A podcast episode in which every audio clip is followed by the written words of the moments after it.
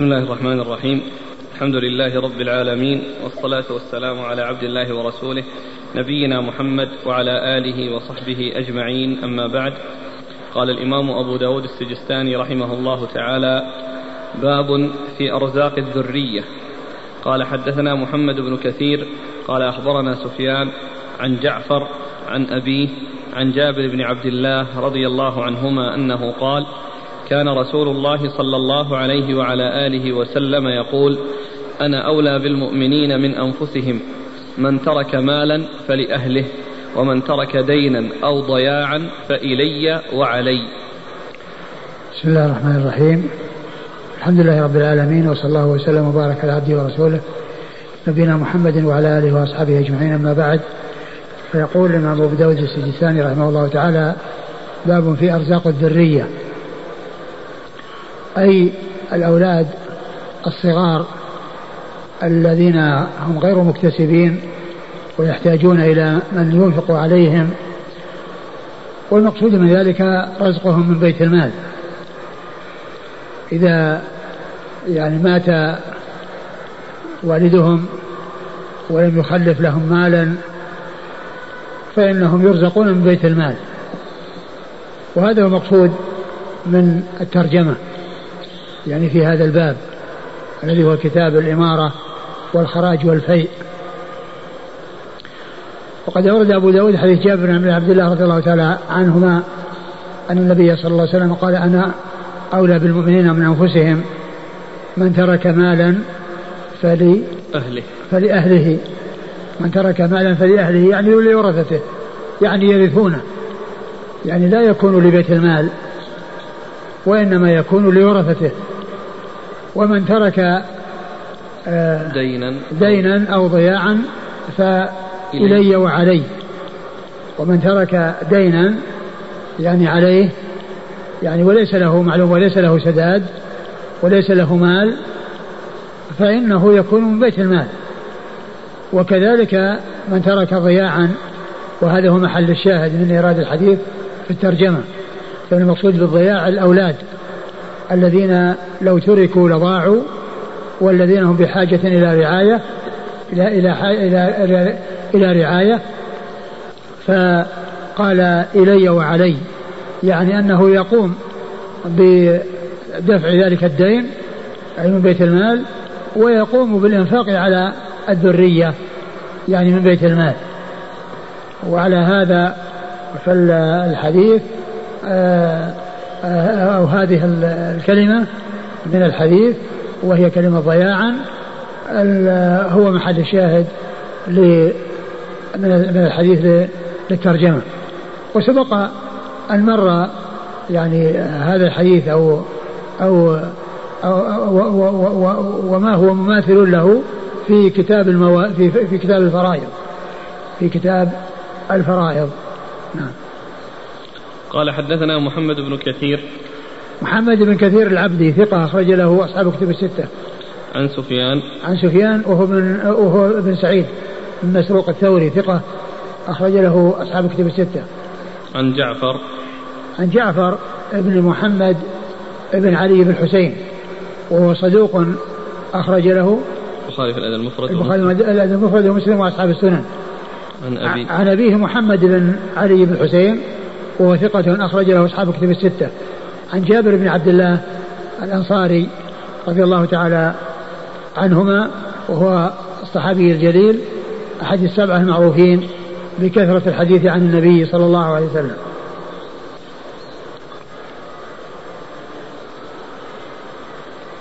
قال حدثنا حفص بن عمر قال حدثنا شعبة عن علي بن ثابت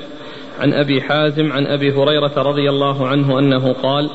قال رسول الله صلى الله عليه واله وسلم من ترك مالا فلورثته ومن ترك كلا فإلينا ثم ورد أبو داود حديث أبي هريرة من ترك مالا فلورثته أي يرثه ورثته لا يكون إلى بيت المال ومن ترك ما ترك كلا فإلينا من ترك كلا والكل يراد به الدين والذرية الضيعة وقد سبق أن مر حديث في كتاب المواريث بهذا بهذا المعنى يعني أنه ترك دينا وضيعة أي المقصود به الأولاد الذين هم بحاجة إلى رعاية ولو تركوا لضاعوا فهو مثل الذي قبله نعم قال حدثنا حفص بن عمر حفص بن عمر ثقة أخرجه البخاري وأبو داود والنسائي عن شعبة شعبة بن الحجاج الواسطي ثقة أخرج له أصحاب الكتب الستة عن علي بن ثابت عن علي بن ثابت وهو ثقة غير أصحاب الكتب أخرجه أصحاب الكتب الستة عن أبي حازم عن أبي حازم هو سلمان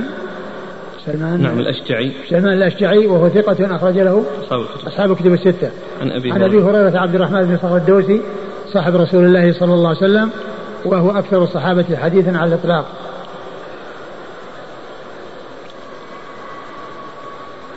قال حدثنا أحمد بن حنبل قال حدثنا عبد الرزاق عن معمر عن الزهري عن أبي سلمة عن جابر بن عبد الله رضي الله عنهما عن النبي صلى الله عليه وآله وسلم أنه كان يقول أنا أولى بكل مؤمن من نفسه فأيما رجل مات وترك دينا فإلي ومن ترك مالا فلورثته ثم أورد أبو داود حديث جابر بن عبد الله الأنصاري رضي الله تعالى عنهما وهو مثل الذي قبله إلا أنه ما في ذكر آه، ما في ذكر يعني ضيعة وضياع وإنما فيه أن من ترك مالا فهو لورثته ومن ترك دينا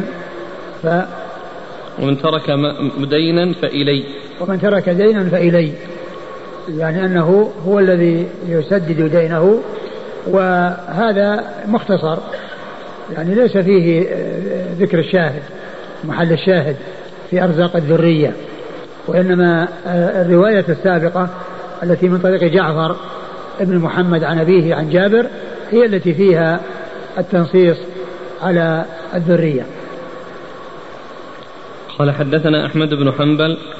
أحمد بن محمد بن حنبل الشيباني الإمام الفقيه المحدث أحد أصحاب المذاهب الأربعة المشهورة من مذاهب السنة وحديثه أخرجه أصحاب الكتب الستة عن عبد الرزاق عبد الرزاق بن همام الصنعاني اليماني ثقة أخرجه أصحاب كتب الستة عن معمر بن راشد الأزدي البصري ثم اليماني ثقة أخرجه أصحاب كتب الستة عن الزهري عن الزهري محمد بن مسلم بن عبيد الله بن شهاب الزهري ثقة أخرجه أصحاب كتب الستة عن أبي عن أبي سلمة بن عبد الرحمن بن عوف وهو ثقة أخرجه أصحاب كتب الستة عن جابر, عن جابر بن عبد الله وقد مر ذكره يقول أخونا كيف الجمع بين هذه الأحاديث وحديث امتناع صلى الله عليه وسلم عن الصلاة على من مات وعليه دين آه يعني كان هذا يعني في أول الأمر لعل هذا كان في أول الأمر قبل أن يكون يعني آه يعني آه هناك شيء يسدد منه أو أن المقصود من ذلك أنه فعل أو أنه يفعل يعني آه، ذلك من أجل آه، التحذير من الدين ومن أجل أن ينفر الناس من الدين وأن لا يتساهلوا في أمر الدين يعني تحمله لأن الإنسان إذا عرف خطورته وعرف آه، يعني آه، عظم شأنه وأن النبي صلى الله عليه وسلم امتنع من الصلاة على من عليه دين يعني يكون ذلك سببا في نفرة الناس من التهاون في أمر الدين وقد جاء في الحديث أن النبي عليه الصلاة والسلام قال يغفر للشهيد كل شيء ثم قال إلا الدين سارني به جبريل آنفا وهذا يعني يدلنا على خطورة الدين فلعل الأمر أن هذا كان قبل أن يفيء الله عليه أو أنه كان يفعل ذلك من أجل أن يحذر الناس من أجل من, من, من, من التهاون في أمر الدين وعدم التساهل فيه يقول ما الفرق بين إلي وعلي يعني إلي يعني آه، أمرهم إلي وعلي يعني أتحمل يعني ما يلزمهم علي أتحمل ما يلزمهم وإلي يعني آه، أمرهم و آه، القيام بشؤونهم وعلي أن يعني يتحمل الشيء الذي يلزم لهم من المؤونة قال رحمه الله تعالى باب متى يفرض للرجل في المقاتله قال حدثنا احمد بن حنبل قال حدثنا يحيى عن عبيد الله قال اخبرني نافع عن ابن عمر رضي الله عنهما ان النبي صلى الله عليه وعلى اله وسلم عرضه يوم احد وهو ابن اربع عشره فلم يجزه وعرضه يوم الخندق وهو ابن خمس عشره ابن وهو ابن خمس عشرة سنة فأجازه ثم ورد أبو داود رحمه الله هذه الترجمة متى يفرض للرجل في المقاتلة يعني أن يكون فرضه فرض المقاتلين وأن يعطى مثل ما يعطى المقاتلون والمقصود من ذلك أنه إذا بلغ يعني إذا كان بالغا فإنه يكون حكم حكم البالغين إذا كان مكلفا بالغا فإنه يكون حكمه حكم المقاتلة فيفرض له كما يفرض لهم لأنه صار من أهل الجهاد ومن أهل القوة والقتال وإذا كان لم يبلغ فإنه لا يكون حكم حكم المقاتلين ثم أرد أبو داود حديث ابن عمر أنه عرض على النبي صلى الله عليه وسلم وكان ابن أربع عشر سنة فلم يجزه وعرض عليه يوم الخندق وعمره خمس عشر سنة فأجازه يعني اعتبره من جملة المجاهدين ومن جملة المقاتلين الذين آه يمكنون من القتال ويكون لهم نصيب من الغنيمة على حسب أحوالهم يعني بالنسبة للفارس وبالنسبة للراجل نعم قال حدثنا أحمد بن حنبل عن يحيى وفي هذا يعني دليل على أن البلوغ يكون بخمسة عشر سنة ويكون قبل ذلك فيما إذا وجد الاحتلام من الذكر أو الأنثى أو وجد الحيض من الأنثى قبل ذلك فإنه يكون البلوغ ويحصل البلوغ بذلك وكذلك أيضا بنبات الشعر الخشن حول القبل فإنه أيضا يكون بذلك يعني كما جاء في قصة بني قريظة وقتل يعني من كان أنبت دون من لم يكن أنبت ولكن إذا لم يحصل يعني شيئا من هذا قبل هذه السن فإنه ببلوغ خمس عشر سنة واستكمالها يكون بذلك بالغا بمرور هذه المدة من الزمن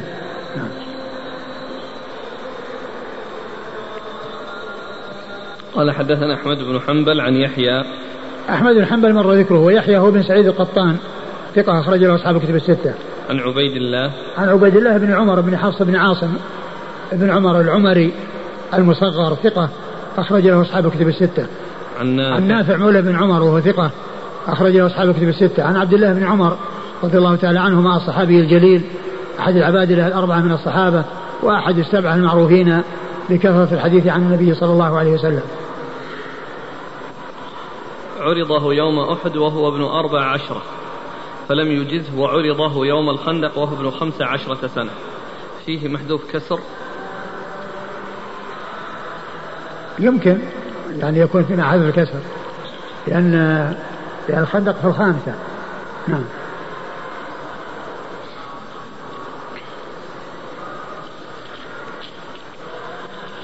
قال رحمه الله تعالى باب في كراهية الافتراض في آخر الزمان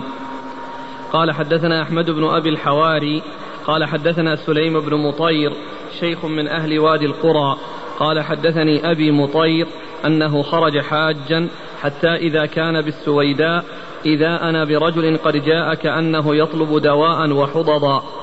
فقال أخبرني من سمع رسول الله صلى الله عليه وآله وسلم في حجة الوداع وهو يعظ الناس ويأمرهم وينهاهم فقال يا أيها الناس خذوا العطاء ما كان عطاء فإذا تجاحفت قريش على الملك وكان عن دين أحدكم فدعوه ثم رد أبو داود باب كراهية الافتراض في آخر الزمان كراهية الافتراض يعني أخذ الفرض من العطاء أو ما يفرض من العطاء هذا هو المقصود بالترجمة ولما ذكر يعني فيما مضى آه، الأخذ من العطاء وأنه آه، يكون يعني آه، لمن يكون كما جاء في الأحاديث ذكر هذه الترجمة وهي في الترك وعدم الأخذ من العطاء كراهية الافتراض في العطاء في العطاء كراهية الافتراض في آخر الزمان كراهية, كراهية الافتراض في, في آخر الزمان الافتراض يعني أخذ شيء يفرض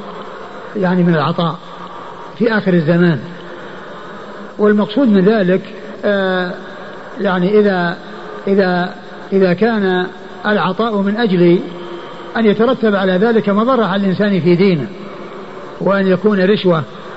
على أمر يتعلق في الدين بحيث يتنازل أو يعني يقدم على شيء محرم لا يسوغ من أجل العطاء ف يعني عند ذلك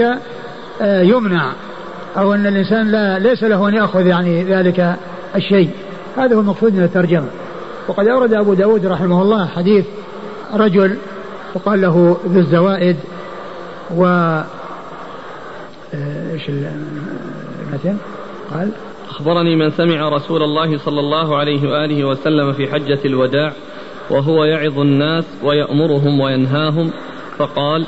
يا أيها الناس خذوا العطاء ما كان عطاء يقول يا أيها الناس يعني من جملة ما كان يعظ ويذكر في حجة الوداع يا أيها الناس خذوا العطاء ما كان عطاء ما دام ما كان ما عطاء. كان عطاء يعني ما دام انه على على على على وجه يعني لا محذور فيه يعني كما كان يؤخذ فيما مضى فإذا فإذا تجاحفت قريش على الملك وكان عن دين أحدكم فدعوه فإذا تجاحفت قريش على الملك يعني حصل الاختلاف والتنازع على الملك وتحصيله وكان أي العطاء على دين أحدكم ف فدعوه فدعوه يعني إذا كان العطاء في مقابل الدين أو في مقابل آه، التهاون في شيء من أمر الدين أو آه، آه، كون الإنسان يعني يتنازل عن شيء يعني ما هو واجب عليه من أجل هذا المال الذي يعطي إياه فعند ذلك يترك ولا يجوز الإقدام عليه وأخذه ولكن الحديث ضعيف غير ثابت عن رسول الله صلى الله عليه وسلم وفيه يعني ثلاث علل يعني فيه آه،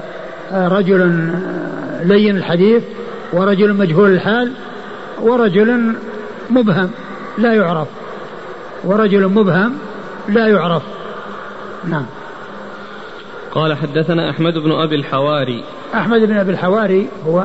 ثقة أخرجه أبو داود وابن ماجه ثقة أخرجه أبو داود وابن ماجه عن سليم بن مطير عن سليم بن مطير وهو وهو لين الحديث أخرج له أبو داود عن أبيه مطير عن أبيه مطير بن سليم وهو وهو مجهول الحال أخرج له أبو داود عن رجل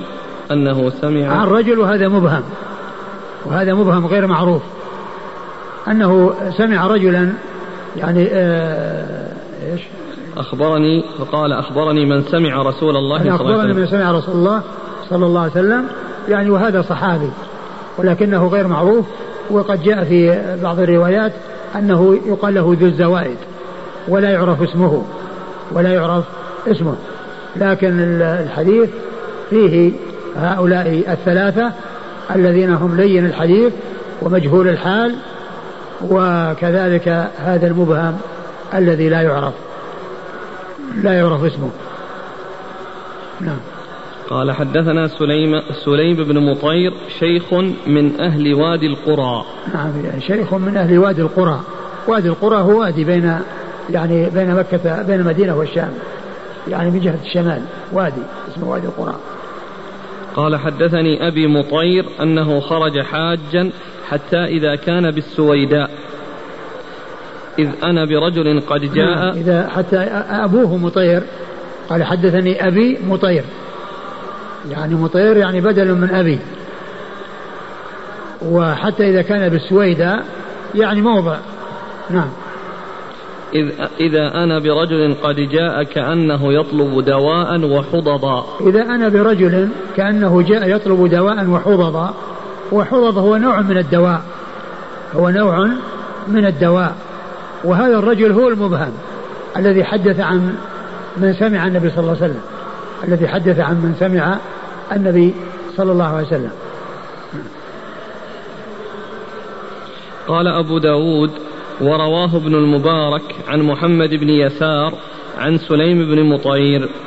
قال ورواه أبو داود وقال أبو داود ورواه ابن المبارك ابن المبارك عبد الله بن المبارك ثقة أخرجه أصحاب كتب الستة عن محمد بن يسار عن محمد بن يسار وهو صدوق أخرجه البخاري في خلق أفعال العباد وأبو داود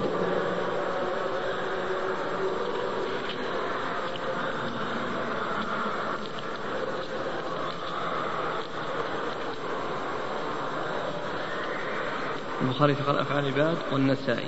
والنسائي نعم آه. أي نعم البخاري في خلق أفعال العباد والنسائي عن يعني هنا هنا أبو داود يعني ما ذكره لأنه ما ما روى له بالإسناد يعني بالاتصال ويعني آه، وإنما تعليقا ولهذا يعني ما ذكر في رجال أبي داود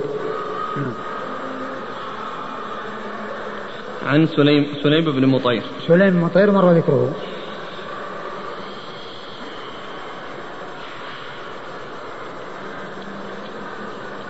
قال حدثنا هشام بن عمار قال حدثنا سليم بن مطير من أهل وادي القرى عن أبيه أنه حدثه قال سمعت رجلا يقول سمعت رسول الله صلى الله عليه وآله وسلم في حجة الوداع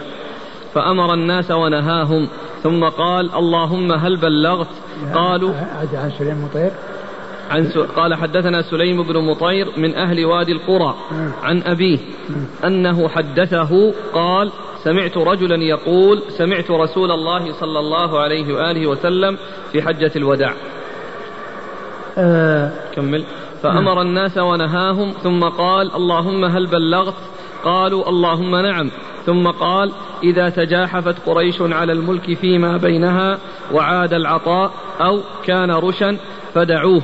فقيل من هذا قالوا هذا ذو الزوائد صاحب رسول الله صلى الله عليه وآله وسلم ورضي الله عنه وهذا فيه تسمية الصحابي آه الذي سمع النبي صلى الله عليه وسلم في حجة الوداع وأنه ذو الزوائد يعني ولا يعرف اسمه وإنما يعرف بهذا اللقب و وحديثه أخرجه أبو, أبو داود نعم أخرجه أبو داود وش قال إذا قال إذا إذا إذا عاد قال سمعت رسول الله صلى الله عليه وسلم في حجة الوداع فأمر الناس ونهاهم ثم قال اللهم هل بلغت قالوا اللهم نعم ثم قال إذا تجاحفت قريش على الملك فيما بينها وعاد العطاء أو كان رشا فدعوه وهذا مثل الذي قبله لأن قبل إذا خذوا العطاء ما, ما كان عطاء فإذا كان على دين أحدكم فدعوه وهنا قال يعني إذا عاد العطاء أو كان رشا إذا عاد رشا أو كان رشا يعني إذا كان يعني من أجل شيء يعني على الدين ورشوة من أجل التنازل عن شيء من أمر الدين بأن يوافق الإنسان على أمر لا يسوغ فعند ذلك يترك هذا العطاء يترك هذا العطاء إذا عاد أو كان رشا إذا عاد رشا أو كان رشا يعني رشا يعني جمع رشوة يعني بأن صار يعني في مقابل آه، كون الإنسان آه، آه، يأتي بشيء يخل في دينه بأن يوافق على أمر باطل أو يحسن أمرا باطلا أو ما إلى ذلك مما فيه إخلال آه، في الدين ونقص في دين الإنسان نعم قال حدثنا هشام بن عمار هشام بن عمار صدوق أخرج أحد البخاري وأصحاب السنة عن سليم بن مطير عن أبيه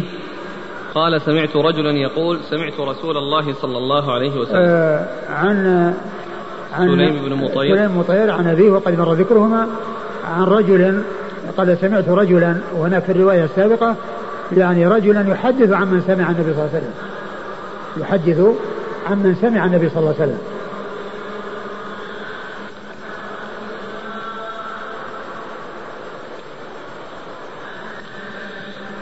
قال رحمه الله تعالى باب في تدوين العطاء قال حدثنا موسى بن اسماعيل قال حدثنا ابراهيم يعني بن سعد قال حدثنا ابن شهاب عن عبد الله بن كعب بن مالك الانصاري ان جيشا من الانصار كانوا بارض فارس كانوا بارض فارس مع اميرهم وكان عمر رضي الله عنه يعقب الجيوش في كل عام فشغل عنهم عمر فلما مر الاجل قفل اهل ذلك الثغر فاشتد عليهم وتواعدهم وهم وهم أصحاب رسول الله صلى الله عليه وآله وسلم فقالوا يا عمر إنك غفلت عنا وتركت فينا الذي أمر به رسول الله صلى الله عليه وآله وسلم من إعقاب بعض الغزية بعضا ثم أورد أبو داود باب في تدوين العطاء يعني أن آه، آه، أهل العطيات والذين يعطون يكتبون في ديوان ويسجلون في ديوان حتى يعرف آه، كل واستحقاقه ووصوله إليه أو عدم وصوله إليه وهذا إنما يتأتى بالكتابة والتدوين والذي فعل ذلك هو عمر رضي الله عنه هو الذي أول من دون الدواوين وأول من من دون الدواوين وذلك أن أنه في زمانه رضي الله عنه كثرت الفتوحات وكثر الغزو واتسعت رقعة البلاد الإسلامية وكثر المجاهدون فصار الأمر يحتاج فيه إلى التدوين حتى يعرف الجيوش ومن آه، آه، يرسل ومن آه، يؤخر ومن يقدم وهنا يعني أورد أبو داود حديث حديث جماعة من الأنصار حديث جماعة من الأنصار آه، أنهم كانوا في زمان عمر على ثغر من الثغور وكان يعقب آه، الجيوش بمعنى أنهم يجلسون مدة ثم يرسل أناسا مثلهم يقومون مقامهم فيعودون فكان من عمر رضي الله عنه أن غفل عن أن يرسل أناس وانتهى الأجل الذي لهؤلاء ولم يرسل إليهم أحدا فجاءوا وتركوا المكان فغضب عليهم عمر وتوعدهم وهم من الصحابة فقالوا إنك غفلت عنا وتركت الذي كان من رسول الله صلى الله عليه وسلم في عقاب الجيوش وأننا المدة التي خصصت لنا قد أكملناها ولم يأتي آه، آه، آه، الذين يخلفوننا ويقومون مقامنا ف احتجنا إلى أن نأتي ومحل وجه إرادة الحديث في الترجمة من أجل أن هذا إنما يعرف عن طريق الديوان يعني كونه يروح ناس ويأتي وناس يعني معناه أنهم مسجلين ومدونين يعني هؤلاء يكونون لهم هذه النوبة ويجلسون كذا شهر ثم يأتي مكانهم أولئك الذين يعني يكون كذا ولمدة شهر فهذا هو وجه إرادة الحديث يعني في الترجمة من جهة تدوين العطاء نعم الثغر الثغر هو المكان الذي يكون على حدود يعني بلاد المسلمين ويكون فيه أناس يعني يرابطون آه، يسدون ذلك الثغر حتى لا يتسلل الأعداء إلى بلاد المسلمين فيكونون مرابطين في تلك الثغور يدافعون ويحمون بلاد المسلمين من أن يتسلل إليها أعداؤهم قال حدثنا موسى بن إسماعيل موسى بن إسماعيل التبوذكي البصري ثقة أخرجه أصحاب كتب الستة عن إبراهيم يعني بن سعد إبراهيم بن سعد ثقة أخرجه أصحاب كتب الستة عن ابن شهاب عن عبد الله بن كعب بن مالك الأنصاري آه، ابن شهاب مر ذكره عبد الله بن كعب بن مالك ثقة أخرج له ثقة يقال له رؤيا أخرج له أصحاب الكتب الستة إلا الترمذي ثقة ويقال له رؤيا أخرج أصحاب الكتب الستة إلا الترمذي عن جماعة من أصحاب النبي عن جماعة من أصحاب رسول الله صلى الله عليه وسلم يقول الأخ ما فهمت وتواعدهم وهم أصحاب رسول الله صلى الله عليه وسلم يعني معناه أنه هددهم يعني هددهم ووبخهم قال حدثنا محمود بن خالد قال حدثنا محمد بن عائذ قال حدثنا الوليد قال حدثنا عيسى بن يونس قال حدثني فيما حدثه ابن ابن لعدي بن عدي الكندي أن عمر بن عبد العزيز كتب إن من سأل عن مواضع الفيء فهو ما حكم فيه عمر بن الخطاب رضي الله عنه فرآه المؤمنون عدلا موافقا لقول النبي صلى الله عليه وآله وسلم جعل الله الحق على لسان عمر وقلبه فرض الأعطية للمسلمين أو فرض الأعطية للمسلمين وعقد لأهل الأديان ذمة بما فرض, بما فرض عليهم من الجزية أو فرض عليهم من الجزية لم يضرب فيها بخمس ولا مغنم ثم أورد أبو داود يعني هذا الأثر عن يعني عمر بن عبد العزيز عن عمر عن عمر بن عبد العزيز يعني يحكي عن عمر بن الخطاب رضي الله تعالى عنه وارضاه وقال من سأل عن مواضع الفيء الفيء يعني عن مواضعه يعني الأشياء التي يوضع بها والمصارف التي يصرف بها فإنه كما حكم به عمر وكما يعني حصل من عمر رضي الله تعالى عنه وأرضاه إيش قال؟ إن من سال عن مواضع الفيء فهو ما حكم فيه عمر بن الخطاب رضي الله عنه ورآه المؤمنون عدلا موافقا لقول النبي صلى الله عليه وآله وسلم أن من سأل عن الفيء عن مواضع الفيء يعني فجوابه أنه هو ما حكم به عمر بن الخطاب رضي الله عنه ما حكم به عمر رضي الله عنه يعني معناه في صنيع عمر جوابه في فعل عمر وصنيع عمر قال طيب ايش فرآه المؤمنون عدلا فرآه المؤمنون عدلا يعني هذا الذي حصل من عمر هو عدل من عمر نعم موافقا لقول النبي صلى الله عليه واله وسلم جعل الله الحق على لسان عمر وقلبه موافقا يعني هذا الذي حصل من عمر رضي الله عنه يعني فيه سداد وتوفيق وإلهام موافقا لقول النبي صلى الله عليه وسلم جعل الله الحق على لسان عمر وقلبه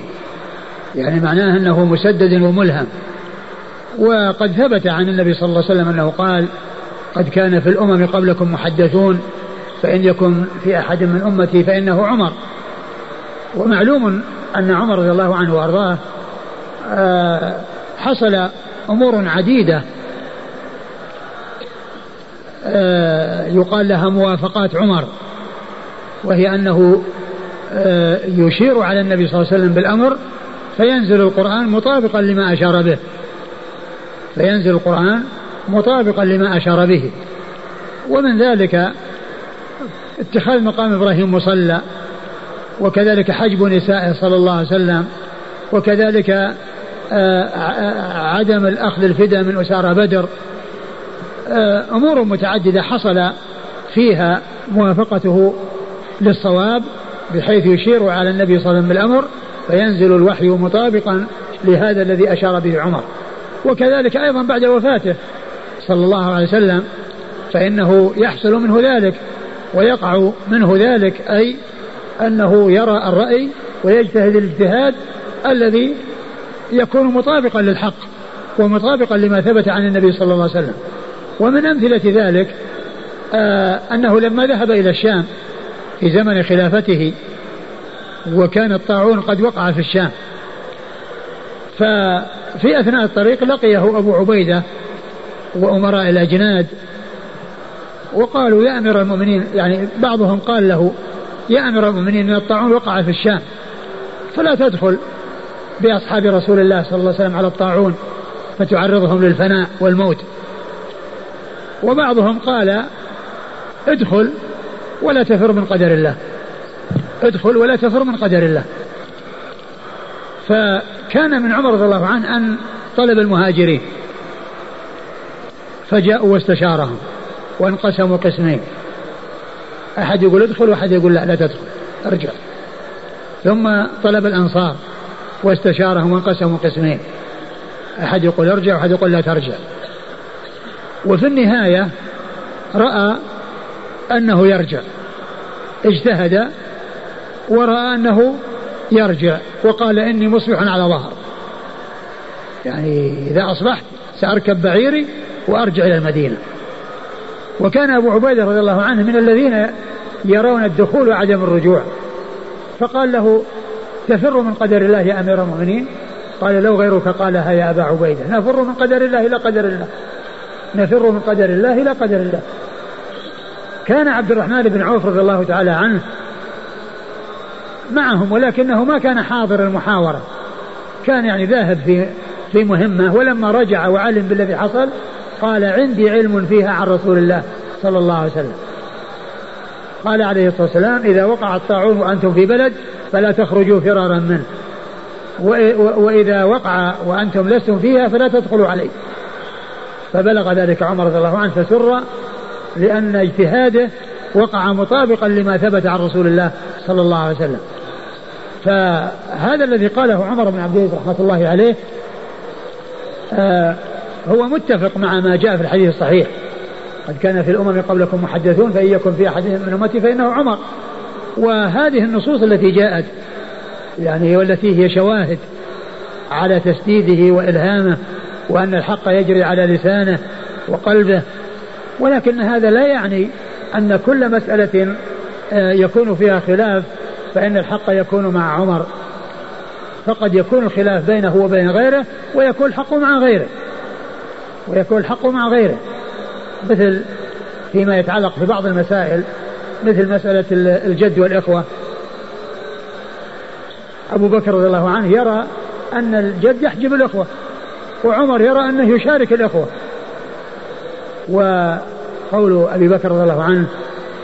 آه هو الأوضح لقوله صلى الله عليه وسلم ألحق الفرائض بأهلها فما أبقت الفرائض فلأولى رجل ذكر ومعلوم أن الجد يعني في جهة والإخوة في جهة الجد في جهة الأصول والإخوة في جهة الحواشي والنبي صلى الله عليه وسلم قال وما أبقت الفرائض فلأولى رجل ذكر فإذا أخذ أصحاب الفروض فروضهم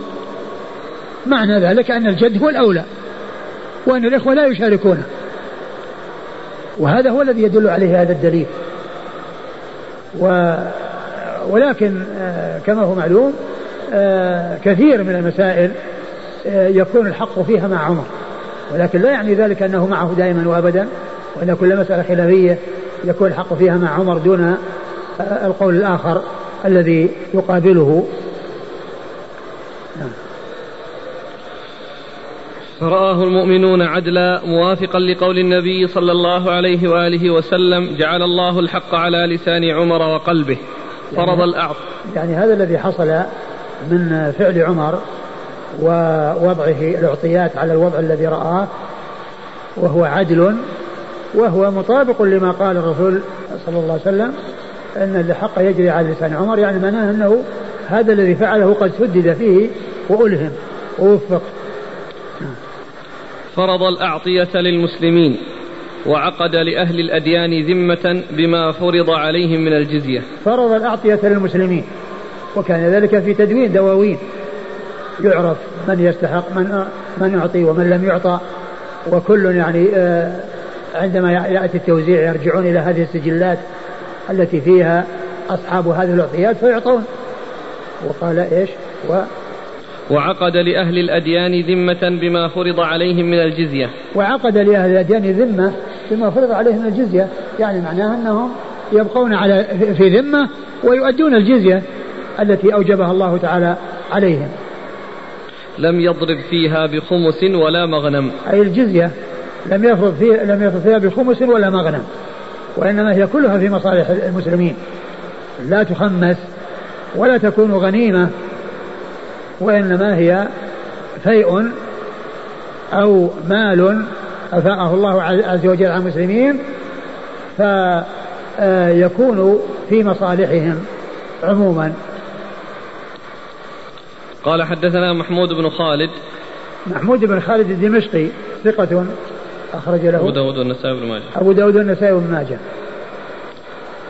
قال حد عن مع... عن محمد بن عائذ عن محمد بن عائذ وهو صدوق خير أبو داود النسائي صدوق خير أبو داود النسائي عن الوليد عن الوليد بن مسلم وهو الدمشقي وهو ثقة أخرجه أصحاب كتب الستة عن عيسى بن يونس عن عيسى بن يونس بن أبي إسحاق وهو ثقة أخرجه أصحاب كتب الستة عن ابن لعدي بن عدي الكندي عن ابن لعدي بن عدي الكندي وهذا مجهول يعني مبهم غير معروف أخرج له أبو داود أبو داود عن عمر بن عبد العزيز عن عمر بن عبد العزيز رضي الله تعالى عنه آه، ورحمه وهو آه، الخليفة المعروف المشهور وحديثه أخرجه أصحاب كتب الستة عن عمر عن عمر وهذا فيه انقطاع لأن عمر بن عبد العزيز ما أدرك عمر وإذا ففيه يعني علة الانقطاع وفيه علة الإبهام في الابن الذي ذكر في الإسناد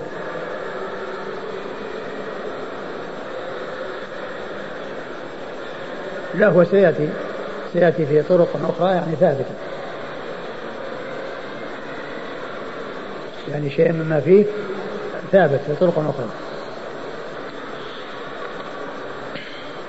قال حدثنا أحمد بن يونس قال حدثنا زهير قال حدثنا محمد بن إسحاق عن مكحول عن غضيف بن الحارث عن أبي ذر رضي الله عنه أنه قال سمعت رسول الله صلى الله عليه وآله وسلم يقول إن الله وضع الحق على لسان عمر يقول به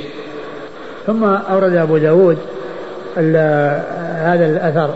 أو هذا الحديث الأثر عن أو هذا الحديث عن عن أبي ذر رضي الله عنه أن النبي صلى الله عليه وسلم قال إن الله وضع الحق على لسان عمر, لسان عمر يقول به يقول به يعني يقول بالحق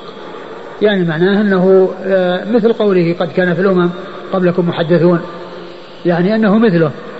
وأن هذا الذي فعله آه، فيما فيما فيما مضى أنه حق والناس يعني حمدوا ذلك له وأقروه عليه وعملوا ذلك واعتبروا ذلك من من من محاسنه ومن أعماله المجيدة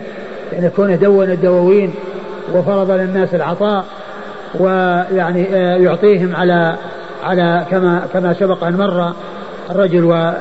يعني وقدمه الرجل يعني وعياله الرجل كذا الى اخره. قال حدثنا احمد بن يونس احمد بن يونس ثقه اخرجه اصحاب كتب السته. عن زهير عن زهير بن معاوية ثقة أخرجه أصحاب كتب الستة. عن محمد بن إسحاق. محمد بن إسحاق المدني صدوق أخرجه البخاري تعليقا ومسلم وأصحاب السنة. عن مكحول. عن مكحول الشامي وهو ثقة أخرج له. البخاري في جزء القراءة ومسلم. البخاري في جزء القراءة ومسلم وأصحاب السنن. عن غضيف بن الحارث عن غضيف بن الحارث وهو مختلف في صحبته مختلف في صحبته أخرج له البخاري في الأدب المفرد وأبو داود والنسائي بن ماجه البخاري في الأدب المفرد وأبو داود والنسائي وابن ماجه وابن ماجه عن أبي ذر عن ابي ذر وهو جندب بن جناده رضي الله عنه صاحب رسول الله صلى الله عليه وسلم وحديثه اخرجه اصحاب كتب السته. قال رحمه الله تعالى: باب في صفايا رسول الله صلى الله عليه واله وسلم من الاموال. والله تعالى اعلم وصلى الله وسلم وبارك على عبده ورسوله نبينا محمد وعلى اله واصحابه اجمعين. يعني الحديث الذي مر يعني ليس فيه يعني ذكر التفاصيل التي جاءت في الحديث السابق الذي جاء عن طريق عمر بن عبد العزيز ولكن فيه الجملة الأخيرة التي فيها أن الحق يعني يجري على لسانه ولكنه سبق أن مر يعني كون عمر يعني آه، فرض العطيات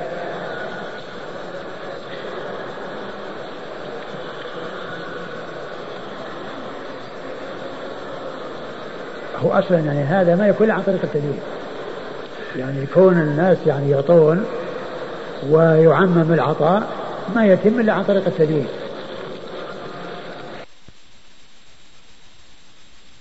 وبارك الله فيكم ونفعنا الله بما قلتم أخونا يقول لم أفهم المناسبة للحديث الأول للباب كان عمر يعقب الجيوش في كل عام والباب في تدوين العطاء أنا ذكرت أن كون كون آه، آه، عمر رضي الله عنه يعني يناوب بين جيوش يعني يكونون في المرابطة وجيوش عند أهلهم فيذهبون ويقومون مقامهم ثم يرجعون هذا لا يكون عن طريق التدوين ومعلوم أن هؤلاء الجيوش وهؤلاء المرابطون يعني لهم معطيات أقول لهم معطيات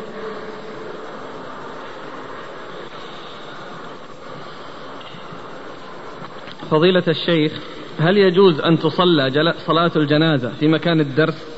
مع أن الصفوف الأمامية فارغة صلاة الجنازة أي والله يعني آه إذا كان أنه يعني سيؤدي إلى فوات الصلاة ويعني آه، لا بأس ولكن حيث أمكن وكان الـ الـ المكان قريب ولا يفوت يعني شيئا من الصلاة أو أكثر الصلاة فإنه يتقدم أقول يتقدم إليها وصفه ينبغي أن تتصل في الجنازة وغير الجنازة وهل يجوز الاستماع إلى أشرطة الأناشيد التي تحث على الجهاد في فلسطين علما بأن هذه الأناشيد من غير دف بل أبيات شعرية من طرف الرجال الأناشيد التي يكون فيها يعني آه، آه، اهتمام بالأصوات وعناية بالأصوات وعشق للأصوات لا سيما إذا كانت آه، من طريق مجموعة آه، فإن الاشتغال بذلك لا فائدة من ورائه والاشتغال آه، بما في كتاب الله عز وجل وسنة رسوله صلى الله عليه وسلم من الأحاديث التي فيها ذكر الجهاد وذكر ما يجب أن يكون عليه المسلمون يغني ويكفي عن الاشتغال بمثل مثل هذه الأناشيد الجديدة التي حدثت في هذا الزمان والتي فتن بها كثير من الناس في هذا الزمان يقول السؤال الثاني هل يجوز أن نذهب لنجاهد في فلسطين آه كما هو معلوم الآن الجهاد في فلسطين ما في جهاد في فلسطين إلا في دفاع عن النفس وهذا الذي يحصل في فلسطين آه، النكاية بالمسلمين وإزهاق نفوس المسلمين والإضرار بالمسلمين أعظم مما يكون في بالنسبة لليهود أعظم ما يكون بالنسبة لليهود ولكل امرئ ما نوى أقول لكل امرئ ما نوى لكن آه، آه، الآن الواقع في فلسطين هو أن المسلمين هم الذين يحصل لهم الضرر البالغ يعني في هذا الذي يجري في فلسطين هل الدعاء يغير المكتوب إذا كان قد عرف العبد ذلك المكتوب عرف العبد ذلك المكتوب هكذا كتب وش يعرف العبد المكتوب المكتوب في اللوح المحفوظ لا يعلمه إلا الله عز وجل الله تعالى هو الذي يعلم ما في ما كتبه في اللوح المحفوظ والقدر سر سر الله عز وجل يعني مخفى على الناس ما يعرف ما يعرف الانسان ماذا قدر له وماذا كتب له ولكنه مامور بان يعمل وقد قال النبي صلى الله عليه وسلم اعملوا فكل ميسر لما خلق له اعملوا فكل ميسر لما خلق له لكنه جاء في الحديث أنه لا يرد القدر إلا الدعاء ولا يزيد في العمر إلا البر وليس معنى ذلك أن القدر أن أن أن المكتوب يغير ويبدل وإنما المقصود أن الله عز وجل قدر السبب والمسبب قدر السبب السبب والمسبب فقدر أن شيئا يحصل بوجود شيء فقدر أن من أسباب يعني دفع الضرر والسلامة من الضرر الدعاء وأن من أسباب طول العمر البر وليس معنى ذلك أن الإنسان مكتوب عمره ثم لما بر غير عمره وزيد في عمره وقبل ذلك كان آآ آه، يعني آآ آه، أقل من ذلك العمر المقدر واحد لكن الله تعالى شاء أن يكون عمره طويلا وأن يكون من أسبابه البر وأن يكون من أسبابه البر وليس معنى ذلك أن عمره كان أربعين سنة ولكنه لما بر غير وصار ستين أو سبعين وإنما المكتوب مكتوب عمره مقدر ومحدد وسبق به القضاء والقدر ولكن الله تعالى شاء أن يكون هذا عمره طويلا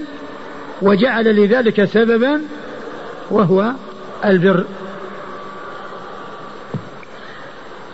وهل الدعاء بإلحاح تكون فيه الاستجابة لا شك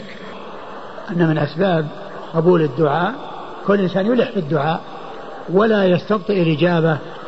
ولا يقول دعوت دعوت فلم يستجب لي وإنما يكثر من الدعاء ويستمر في الدعاء ولا يترك الدعاء من أجل أنه ما حصل له ما يريد ما المسجد الذي أسس على التقوى قباء أو المسجد النبوي كل منهما كل منهما أسس على التقوى أما مسجد قباء فقد جاء ذلك في القرآن وأما مسجد النبي صلى الله عليه وسلم فقد جاء في السنة فقد جاء في السنة فكل آه، منهما متصف بهذا الوصف فهذا جاء في القرآن وهذا جاء في السنة وكل منهما أسس على التقوى من أول يوم ونظير هذا قول الله عز وجل آه، إنما يريد الله أن يذهب عنكم الرجس ويطهركم تطهيرا فإن هذه الآية جاءت في سياق الكلام مع أمهات المؤمنين فهن داخلات فيها بنص القرآن وقد جاء في السنة عن النبي صلى الله عليه وسلم أنه لما نزلت الآية جمع عليا وفاطمة والحسن والحسين وجعلهم عليهم كساء وقال هؤلاء أهلي ف آه، كون هؤلاء من أهله وأنهم يعني من يدخل في هذه الآية جاء جاء في السنة وأمهات المؤمنين جاء كونهن من أهل بيته الذين أذهب الله عنهم الرزق ويطهرهم تطهيرا جاء في الكتاب العزيز وهذا مثل هذا يعني مثل قصة قبى ومسجد النبي صلى الله عليه وسلم يعني قبى جاء في القرآن ومسجد النبي جاء جاء صلى الله عليه وسلم جاء في السنة وأمهات المؤمنين جاء دخولهن في أهل البيت في القرآن وغيرهن جاء في السنة يعني فيما يتعلق بحق علي وفاطمة والحسن والحسين ولا يعني ذلك أنهم كل أهل بيته وإنما هم من أخص أهل بيته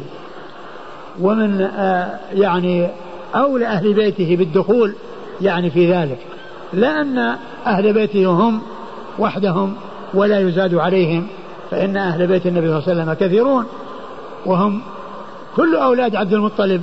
كل ما كان مسلما من أولاد عبد المطلب فهو من أهل بيت النبي صلى الله عليه وسلم فهو من أهل بيت النبي صلى الله عليه وسلم أعمامه المسلمون وبنو أعمامه وكذلك بنات أعمامه كل هؤلاء من أهل بيته صلى الله عليه وسلم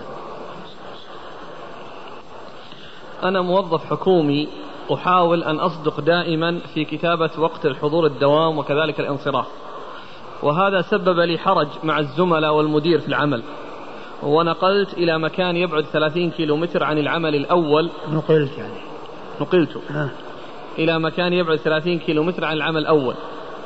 فهل أساير المدير والزملاء في كتابة الوقت حتى لا أتضرر وبالتالي إذا فعلت إذا بقيت على المكان الذي أنا بعيد فيه أحرم من درس الحديث الرسول صلى الله عليه وسلم الله تعالى يقول يا أيها يا أيها الذين اتقوا الله وكونوا مع الصادقين ويقول الرسول صلى الله عليه وسلم أن الصدق يهدي إلى البر وأن البر, آه، وأن البر يهدي إلى الجنة ولا يزال الرجل يصدق ويتحرى الصدق حتى يكتب عند الله صديقا ولعل آه، آه، كون الإنسان يصدق ويلتزم بالصدق يكون ذلك من أسباب ظفره بما يريد من خير الدنيا والآخرة إذا بدأ الخطيب بخطبة الجمعة وكان الرجل في خارج المسجد يمشي إلى المسجد فهل تجب هل يجب عليه الإنصات؟ الذي يجب أنه لا يجب عليه الإنصات لأنه يعني ما هو موجود يعني في, في الاستماع وإنما هو في الطريق ويمكن في الطريق أنه يتحدث مع غيره أقول يمكن يتحدث مع غيره ما في بس طيب إذا دخل المسجد يعني مثل الآن دخل في الساحات لا إذا دخل في المسجد أو إذا دخل في المسجد يعني ليس له أن يتكلم آه، قوله صلى الله عليه وسلم أن من مات وعليه دين فعلي هل هذا باق إلى الآن فعلى ولاة الأمر أو الحكام نعم الحكم باقي أقول باقي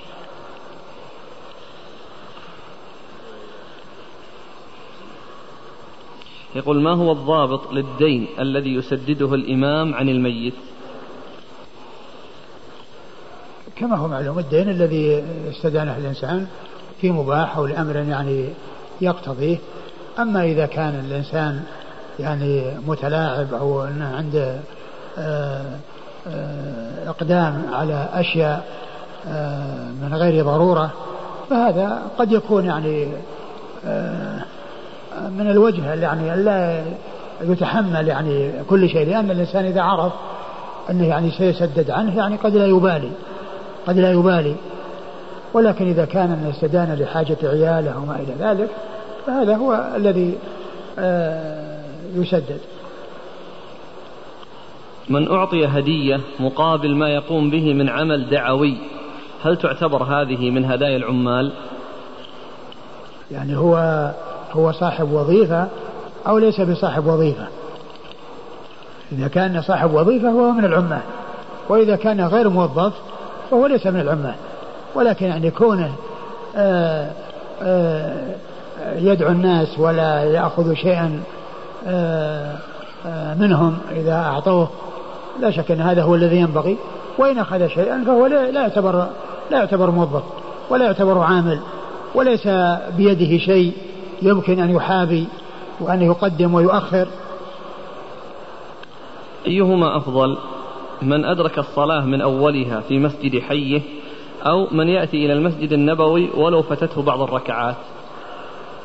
الأفضل أن يأتي مبكرا للمسجد النبوي ولا يفوت شيء هذا هو الأفضل وإذا ما أمكن هذا فإنه يصلي في مسجد حيه ويدرك الصلاة من أولها آه، الحديث اللي مر في أن عمر رضي الله عنه يعقب الجيوش يقول ألا يدل هذا على الإحصاء الموجود الآن ومشروعيته الإحصاء إيه، تعداد السكاني هو ما في تعداد سكاني هذا كان في حصر أصحاب العطيات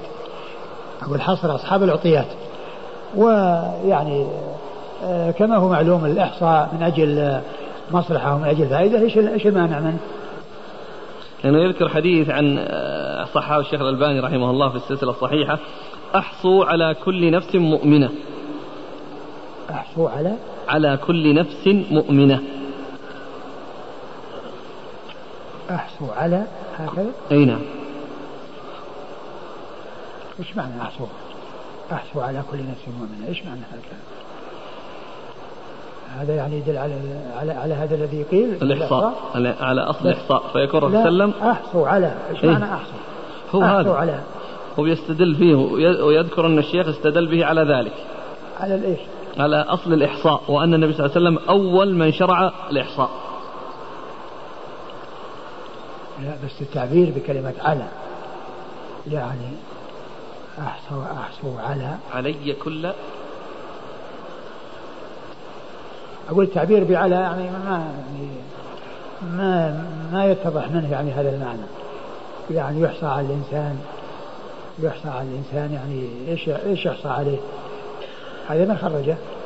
يقول الشيخ صححه في السلسلة الصحيحة ولم يذكر رقمه على كل ما ندري أقول ما ندري عنه يعني ما نعرف لفظه ولا نعرف يعني مصدره ما من مسلم إلا وعلى ثغر من ثغور الإسلام فإياك إياك أن يؤتى الإسلام من قبلك هل هذا حديث؟ هذا أثر هذا أثر عن عن عن بعض السلف أظن عن الزهري أو كذا أو موجودة في كتاب السنة لابن لابن أبي السنة لمحمد بن نصر المروزي السنة لمحمد بن نصر المروزي أظن عن الزهري أو كذا بالنسبة من كان يعمل عمل دعوي ويعطي هدية هل الأفضل أن يأخذ الهدية ويكافئ عليها أو يردها وقد يترتب على الرد ما يترتب لا كونه يأخذها ويكافئ عليها هذا شيء طيب هذا أحسن ولو كان موظف لا أنتم قسمتم لا الآن لا لا الموظف ما يصلح الموظف ما يصلح أنه يعني آه، آه، أنه يأخذ هدية يعني هذا الذي يعمل في الدعوة يعني محتسب طبعا هذا محتسب يعني محتسب أو نعم، موظف ما عنده يعني عمل أن يقدم ويأخر ويحاذي من فاتته ركعة من الصلاة وقام لإدراكها لإتمامها هل يرفع يديه بعد القيام من التشهد لا ما يرفع يديه وهل يقوم بتكبير نعم يقوم بتكبير آه، متى تصح النية لمن أراد صيام التطوع يعني قبيل العصر ممكن يعني كونه ما أكل إيه والله ما بقي ما بقي إلا, وقت, إلا وقت يسير جدا ما أدري هل يذكر الإنسان دعاء الدخول إلى المسجد بالنسبة للمسجد النبوي إذا دخل من الأبواب التي في الساحات؟ إيه، نعم لأن الساحات الآن المسجد ما حقيقة قول عمر رضي الله عنه على المنبر يا سارية الجبل آه هو هذا يعتبر من الكرامات يعني لعمر رضي الله عنه إذا كان قد ثبت وأن الله تعالى كشف له عن يعني حال لقاء أصحابه مع العدو وأنه أراد أن يعني ينحازوا إلى الجبل وأن يكون ذلك يعني آه، في صالحهم بس ثبوته ما ما أدري عن ثبوته ما أدري ما عندي علم جزاكم الله خيرا وبارك الله فيكم ونفعنا الله بما قلتم بسم الله الرحمن الرحيم الحمد لله رب العالمين والصلاة والسلام على عبد الله ورسوله نبينا محمد وعلى آله وصحبه أجمعين أما بعد قال الإمام أبو داود السجستاني رحمه الله تعالى باب في صفايا رسول الله صلى الله عليه وآله وسلم من الأموال قال حدثنا الحسن بن علي ومحمد بن يحيى بن فارس المعنى قال حدثنا بشر بن عمر الزهراني قال حدثني مالك بن انس عن ابن شهاب عن مالك بن اوس بن الحدثان رضي الله عنه قال ارسل الي عمر رضي الله عنه حين تعالى النهار فجئته فوجدته جالسا على سرير مفضيا إلى رماله فقال حين دخلت عليه إلى رماله إلى رماله في العون يقول ويجوز الضم يقول بالضم الكسر إيه؟ طيب رماله إلى رمال إلى رماله فقال حين دخلت عليه يا يا مالي إنه قد دف أهل أبيات من قومك وإني قد أمرت فيهم بشيء فاقسم فيهم قلت لو أمرت غيري بذلك فقال خذه فجاءه يرفع فقال يا أمير المؤمنين هل لك في عثمان بن عفان وعبد الرحمن بن عوف والزبير بن العوام وسعد بن أبي وقاص رضي الله عنهم قال نعم فأذن لهم فدخلوا ثم جاءه يرفع فقال يا أمير المؤمنين هل لك في العباس وعلي رضي الله عنهما قال نعم فأذن لهم فدخلوا فقال العباس يا أمير المؤمنين اقض بيني وبين هذا يعني عليا فقال بعضهم أجل يا أمير المؤمنين اقض بينهما وأرحهما قال مالك بن أوس خيل إلي أنهما قدما أولئك النفر لذلك فقال عمر رحمه الله اتئدا ثم أقبل على أولئك الرهط فقال أنشدكم بالله الذي بإذنه تقوم السماء والأرض هل تعلمون أن رسول الله صلى الله عليه وآله وسلم قال لا نورث ما تركنا صدقة قالوا نعم ثم أقبل على علي وعباس رضي الله عنهما فقال أنشدكما بالله الذي بإذنه تقوم السماء والأرض هل تعلمان أن رسول الله صلى الله عليه وآله وسلم قال لا نورث ما تركنا صدقة فقال نعم قال فإن الله خص رسوله صلى الله عليه وآله وسلم بخاصة لم يخص بها أحدا من الناس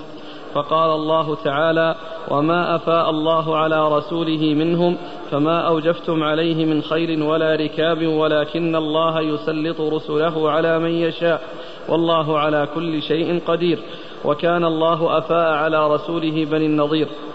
فوالله ما استاثر بها عليكم ولا اخذها دونكم فكان رسول الله صلى الله عليه واله وسلم ياخذ منها نفقه سنه او نفقته ونفقه اهله سنه ويجعل ما بقي اسوه المال ثم اقبل على اولئك الرهط فقال انشدكم بالله الذي باذنه تقوم السماء والارض هل تعلمون ذلك قالوا نعم ثم أقبل على العباس وعلي رضي الله عنهما فقال أنشدكما بالله الذي بإذنه تقوم السماء والأرض هل تعلمان ذلك قالا نعم فلما توفي رسول الله صلى الله عليه وآله وسلم قال أبو بكر رضي الله عنه أنا ولي, أنا ولي رسول الله صلى الله عليه وآله وسلم فجئت أنت وهذا إلى أبي بكر تطلب أنت ميراثك من ابن أخيك ويطلب هذا ميراث امرأته من أبيها فقال أبو بكر رحمه الله قال رسول الله صلى الله عليه وآله وسلم لا نورث ما تركنا صدقة والله يعلم إنه لصادق بار راشد تابع للحق فوليها أبو بكر فلما توفي أبو بكر قلت أنا ولي رسول الله صلى الله عليه وآله وسلم وولي أبي بكر فوليتها ما شاء الله أن أليها فجئت أنت وهذا وأنتما جميع وأمركما واحد فسألتمانيها فقلت إن شئتما أن أدفعها إليكما على أن عليكما عهد الله أن تلياها بالذي كان رسول الله صلى الله عليه وآله وسلم يليها فأخذتماها مني على يليها. ذلك كان يليها على أن عليكما عهد الله أن تلياها بالذي كان رسول الله صلى الله عليه وآله وسلم يليها فأخذتماها مني على ذلك ثم جئتماني لأقضي بينكما بغير ذلك والله لا أقضي بينكما بغير ذلك حتى تقوم الساعة فإن عجزتما عنها فرداها إلي قال أبو داود إنما سألاه أن يكون أن يكون يصيره بينهما نصفين لا أنهما جهلا أن النبي صلى الله عليه وآله وسلم قال لا نورث ما تركنا صدقة فإنهما كانا لا يطلبان إلا الصواب فقال عمر لا أوقع عليه اسم القسم أدعه على ما هو عليه بسم الله الرحمن الرحيم الحمد لله رب العالمين وصلى الله وسلم وبارك على عبده ورسوله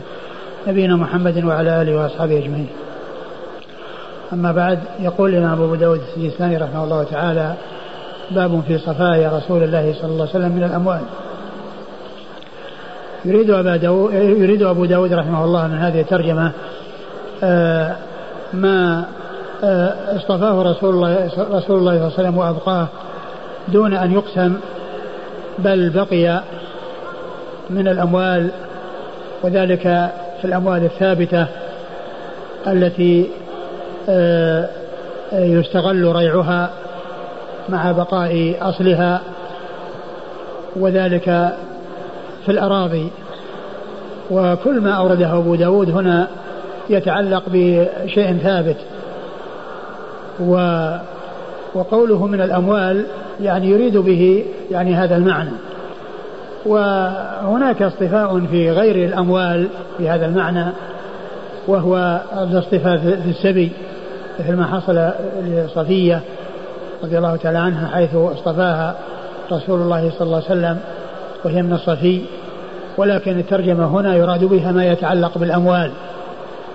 والمقصود من ذلك أن الرسول صلى الله عليه وسلم أبقاه دون أن يقسم ودون أن يباع ويستفاد من ثمنه وإنما أبقى أصله بحيث يستفاد من غلته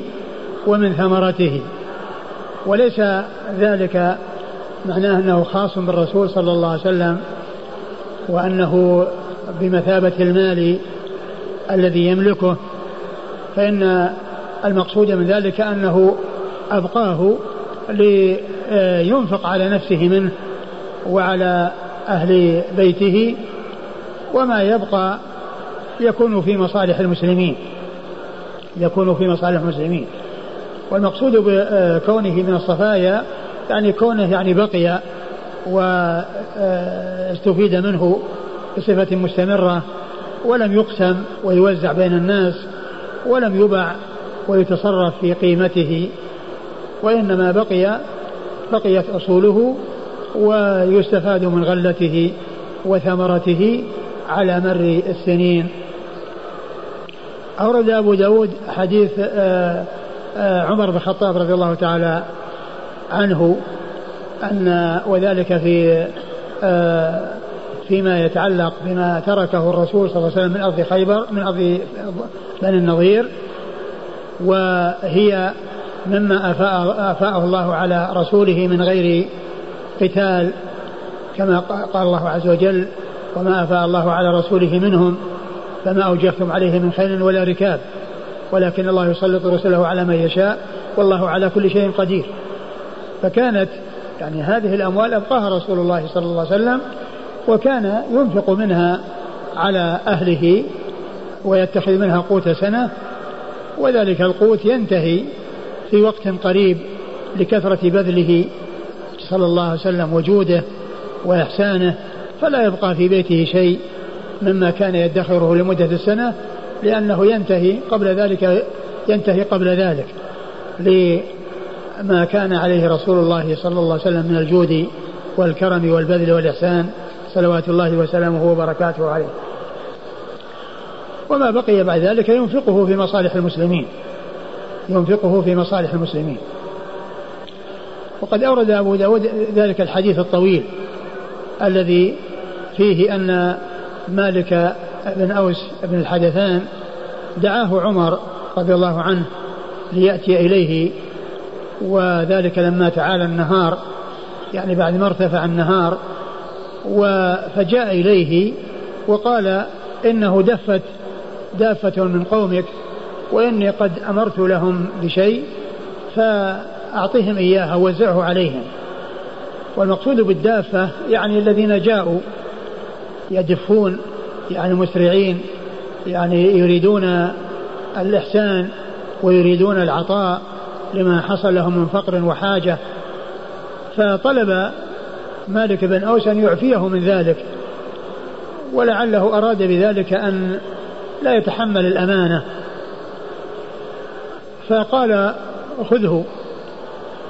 يعني وليس فيه أنه أعفاه وإنما أمره بأخذه والذي يظهر أنه هو الذي تولى ذلك لأنه ما حصل أو ما جاء شيء يفيد بأن عمر اختار غيره وأنه أسنده إلى غيره وكان ولما كان عنده جاءه يرفع وهو الذي على الباب يستأذن أو يخبر بمن يستأذن فقال هل لك يا أمير المؤمنين في عثمان وعبد الرحمن بن عوف وطلحة وطلحة ولا سعد الزبير آه، عبد الرحمن والزبير وسعد. نعم والزبير وسعد بن أبي وقاص عبد الرحمن بن عوف عثمان بن عفان وطلحة وعبد الرحمن بن عوف والزبير وسعد بن أبي وقاص وهم من العشرة هم بشرين بالجنة رضي الله تعالى عنهم وأرضاهم فدخلوا عليه ثم بعد ذلك جاء يستأذن أو يخبر عن عن علي والعباس رضي الله عنهما وأنهما يستأذنان فدخل عليه وكان يختصمان وبينهما خصومة فقال يا أمير المؤمنين آه يعني اقضي بيني وبين هذا يعني علي رضي الله تعالى عنه وأرضاه وكان الذين جاءوا من قبل قالوا اقضي بينهما وأرحهما يا أمير المؤمنين قال مالك فيخيل لي أنه قد أنهما قدموهم يعني ليكونون عونا لهم ويساعدوهم على أن ينهي أو أن يحقق عمر رضي الله عنه هذا الذي يريدانه أي علي والعباس لأنهم قالوا اقضي بينهما وأرحهما اقضي بينهما وأرحهما يعني معناه أن في شيء كأن في شيء مفهوم وكأنه وكأن وكأن عليا والعباس قدم هؤلاء الأربعة آه، لي آه، ليكون منهم مساعدة لهم أي لهما على أن يقوم عمر رضي الله تعالى عنه بتحقيق ما يطلبانه فعند ذلك عمر قال ماذا قال فقال عمر فإذا اتئد يعني تمهل وانتظر يعني يعني بدلا من أن يعطيهم الجواب فيما طلب أراد أن يمهد لذلك وأن يبين الذي قد حصل فيما مضى والذي تم بينه وبينهما نعم ثم أقبل على أولئك الرهط فقال أنشدكم بالله الذي بإذنه تقوم السماء والأرض هل تعلمون أن رسول الله صلى الله عليه وآله وسلم قال لا نوره ما تركنا صدقة قالوا ثم نعم. أقبل عمر رضي الله عنه هؤلاء الرهط الأربعة الذين هم عثمان وعبد الرحمن وسعد والزبير رضي الله تعالى عنهم فقال أنشدكم بالله الذي بإذنه تقوم السماوات والأرض هل تعلمون أن رسول الله صلى الله عليه وسلم قال ما, ما أن لا نورث ما تركنا صدقة قال قالوا نعم وهذا الحديث يدل على أن الأنبياء لا يورثون وأنه لا يورث عنهم المال لأنهم ما جاءوا لجمع المال وتوريثه لأقربائهم وإنما جاءوا بالحق والهدى لهداية البشر وإخراجهم من الظلمات إلى النور فهذا هو ميراثهم وهو ميراث مبذول لكل من أراده ولكل من وفقه الله لأن يحصل العلم النافع المستمد من الكتاب والسنة ولهذا جاء في الحديث إن العلماء ورثة الأنبياء وإن الأنبياء لم يورثوا دينارا ولا درهما وإنما ورثوا العلم فمن أخذ به أخذ بحظ وافر فمن أخذ به أخذ بحظ وافر فهم ما جاءوا لجمع المال وتحصيله ثم كونهم يخلفونه وراءهم ويرثه أقرباؤهم الله تعالى جعل الأنبياء ليسوا كغيرهم من الناس الذين يرث عنهم المال فما يخلفونه يكون صدقة ولا يكون ميراثا لأقربائهم وقيل يعني في تعليل ذلك أو قال بعض أهل العلم بتعليل ذلك أن آه، أصحاب الأموال آه، آه، بعض الأقرباء يتمنى أن يموتوا ليرثوهم وهذا إذا حصل بالنسبة للأنبياء يكون خطيرا في حق من يتمنى ذلك فصارت هذه الشريعة أو صارت شريعة الله عز وجل في حق رسله أنه لا يورث عنهم المال وإنما يورث عنهم العلم النافع الذي به الهداية للصراط المستقيم والخروج من الظلمات إلى النور ثم التفت إلى علي والعباس رضي الله تعالى عنهما وقال أنشدكما بالله الذي بإذنه تقوم السماوات والأرض هل تعلمان أن رسول الله صلى الله عليه وسلم قال ذلك فقال نعم يعني أنهم كلهم يعلمون أن النبي صلى الله عليه وسلم قال إنا لنورث ما تركناه صدقة إيش قال بعد ذلك ثم أقبل على علي وعباس رضي الله عنهما فقال أنشدكما بالله الذي بإذنه تقوم السماء والأرض هل تعلمان أن رسول الله صلى الله عليه وآله وسلم قال لا نورث ما تركنا صدقة فقال نعم قال فإن الله خص رسوله صلى الله عليه وآله وسلم بخاصة لم يخص بها أحدا من الناس فقال الله تعالى وما أفاء الله على رسوله منهم فما أوجفتم عليه من خيل ولا ركاب ولكن الله يسلط رسله على من يشاء والله على كل شيء قدير يعني من اليهود ما فرح رسوله منهم يعني من اليهود وهم بنو النظير آه، فإن هذه الأموال التي تركوها يعني ليس بقتال حتى يقسم وحتى يكون مغانم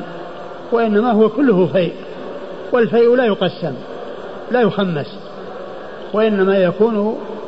يعني على نظر الإمام يصرفه في مصالح الناس ومصالح المسلمين والرسول صلى الله عليه وسلم كان من هذا المال ينفق على نفسه وأهله ويدخر من ذلك قوت سنة ثم الباقي يكون أسوة المال يعني أسوة المال الذي يكون في بيت المال والذي يصرف في مصالح المسلمين فهو لم يدخره له ولم يملكه ويصير آه، ملكا خاصا به وإنما هو آآ آه،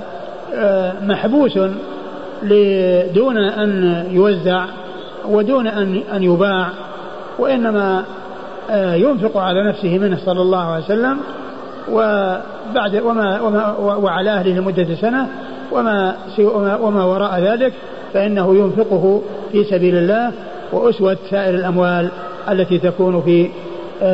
بيت المال نعم وكان الله أفاء على رسوله بني النضير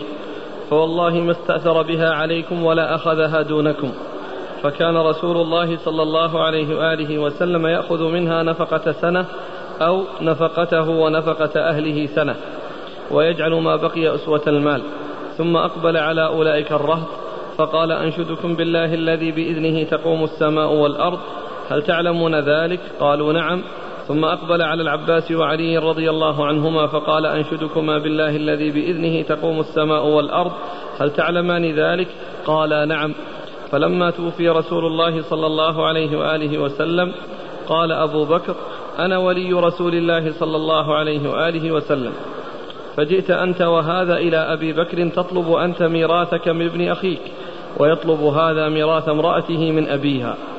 فقال أبو بكر رحمه الله قال رسول الله صلى الله عليه واله وسلم لا نورث ما تركنا صدقه